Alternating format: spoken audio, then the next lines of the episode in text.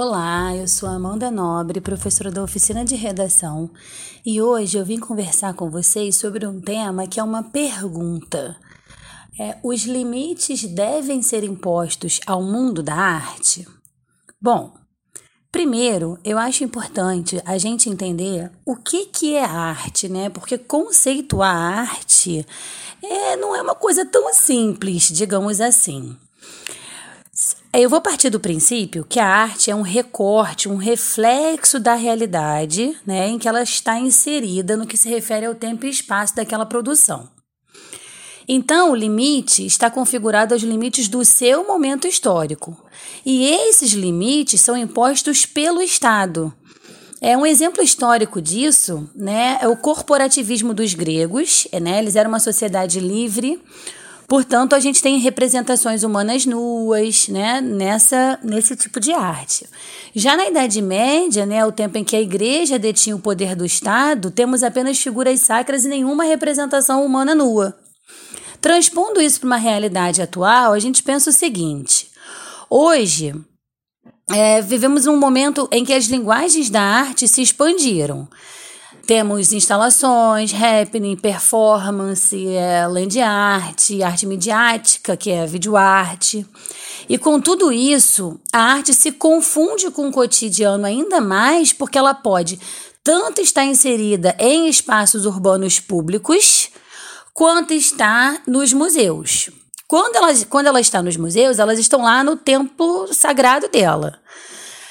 Essa expansão da arte, né, quando ela está em espaços públicos, é que causa uma certa confusão nos leigos, porque eles acreditam que tudo pode se tornar arte e que por isso mesmo, tendo um conhecimento raso sobre o assunto, as pessoas podem se tornar julgadoras de qualquer meio artístico.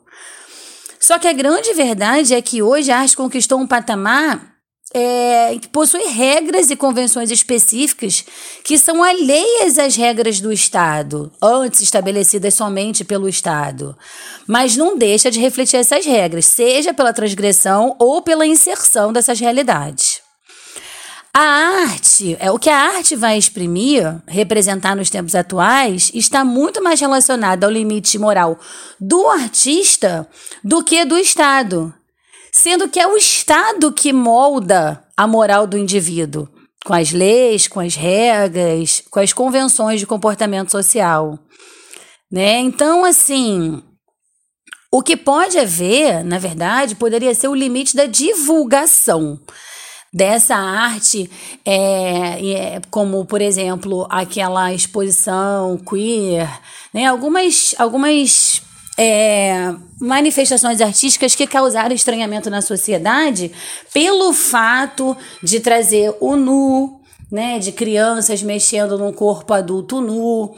É, algumas performances também é, em que a artista permitia que qualquer é, visitante daquele museu, daquela exposição, pegasse qualquer objeto que ali estivesse e usar nela até que alguém pegou uma arma.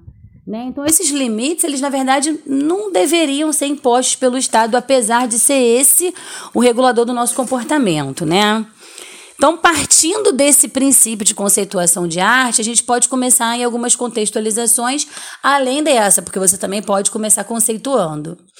Bom, vocês podem falar em vanguardas europeias, né, que foram manifestações artísticas que romperam com o conceito anterior da arte, é, que sofreram né, algumas, algumas críticas.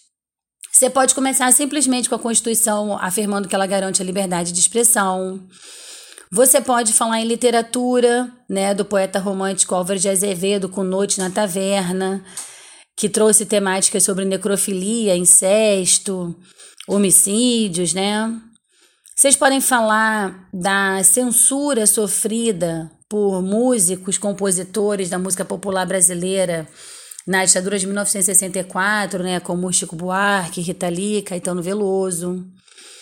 Enfim, a gente tem assim uma, uma gama muito grande de possibilidades de contextualização para esse tema. Como argumento, né, se você for partir desse princípio de arte que eu expliquei no começo aqui da nossa conversa, você pode pensar na questão da negligência escolar em formar cidadãos conscientes, que é, inclusive, segundo o pai da pedagogia, né, o Paulo Freire, é, a função da escola é formar um cidadão consciente, um cidadão pronto para lidar com as suas realidades é, na vida adulta, fora da escola.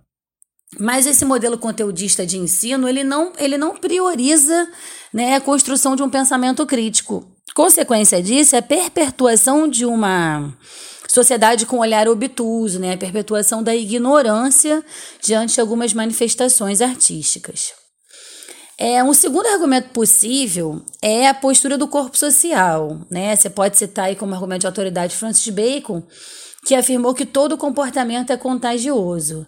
Então, preconceitos e filosofismos particulares acabam se sobrepondo ao pensamento coletivo né, de liberdade, ah, é mesmo que isso seja dentro dos museus, né? Porque aí não é, é indiscutível que o que está dentro dos museus é arte, né? Porque é o templo sagrado da arte. Então, nesse sentido, se, se não tiver no espaço público, né? Não, por que esse limite? Como intervenção, é, em relação à negligência escolar, vocês podem falar sobre o que já preconiza a BNCC, né, a Base Nacional Comum Curricular, que é o ensino da arte obrigatório desde os seus, desde os seus anos fundamentais, mas o estudo da arte e os seus conceitos, não apenas as representações finais, né, e até mais diversas formas de opinião, né, trabalhar isso nas escolas, em todos os segmentos. É, e o segundo argumento, né, sobre a postura social, você pode resolver isso é, com ONGs, né, em parceria com artistas livres, é, conversando, levando exposições a espaços públicos para aproximar essa linguagem artística. Né, da linguagem cotidiana das pessoas, para as pessoas poderem entender na prática o que é arte. É, então, acho que seria uma intervenção bem concreta. Para finalizar seu texto, lembra da sua contextualização, faz uma frase otimista cíclica e amarra o lacinho e entrega de presente para o seu corretor. Espero ter ajudado. Até a próxima. Um beijão.